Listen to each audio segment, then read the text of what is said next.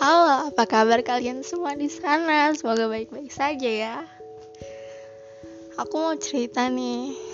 Dengarkan baik-baik ya. Semoga bisa dijadikan pelajaran untuk kalian semua. Aku pernah menyakiti seseorang yang sangat aku cinta. Hingga akhirnya dia memutuskan untuk menyudahi semua hubungan kita.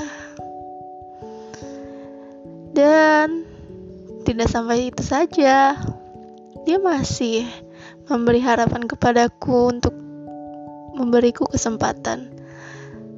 Tapi banyak sekali prosesnya.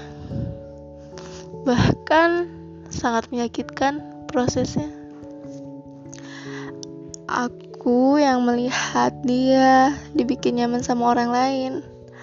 Aku yang melihat dia berkencan dengan orang lain dan melihat dia mendengarkannya bahwa dia sudah jatuh cinta kepada orang lain.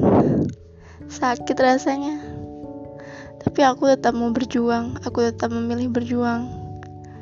Ya, karena ini awalnya salahku, aku yang sudah menyakitinya.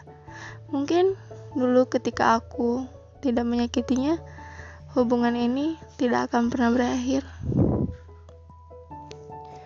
Semoga dia mau ya balik kepadaku lagi balik kepada aku pada orang yang sama, tapi tidak dengan kisah yang sama. Aku akan tetap berjuang. Dengan atau tanpanya kamu, aku akan selalu mencintai kamu. Tenang saja, aku akan selalu mendoakan kamu. Biarkan Tuhan yang menjawabnya.